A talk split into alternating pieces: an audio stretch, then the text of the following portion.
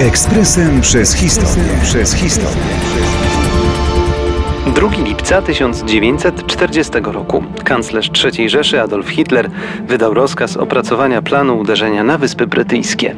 Do dziś historycy spierają się, czy był to dobrze przygotowany wojskowy plan, czy jedynie polityczny blef ze strony Niemców.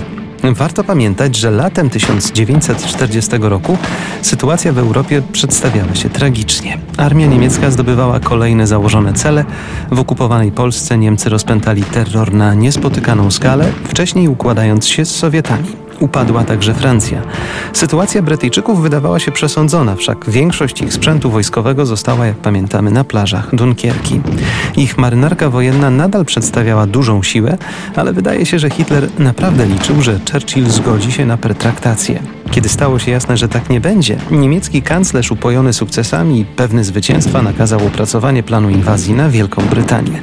Zakładano, iż jedynie udany desant zapewni sukces operacji. Plan dojrzał już w początkach lipca, a 16 lipca przybrał formę rozkazu, w którym Hitler przedstawił założenia operacji. Przypomnijmy je zatem. Zniszczyć brytyjskie lotnictwo lub osłabić jego morale tak bardzo, by nie było ono zdolne przeciwdziałać w jakikolwiek agresywny sposób desantowi niemieckiemu. Oczyścić kanał La Manche z min brytyjskich, zamknąć strefę inwazji niemieckimi polami minowymi zgrupować ciężką artylerię w rejonie planowanej inwazji w ilości, która umożliwić miała przytłoczenie przeciwnika ogniem. Wciągnąć Royal Navy w działania na Morzu Północnym i Śródziemnym, by uniemożliwić jej atak na wojska niemieckie. O tym, że mógł to być blef, świadczą nie tylko niemieckie ataki z powietrza na brytyjskie miasta, ale również to, że plan był niemal całkowicie nierealny.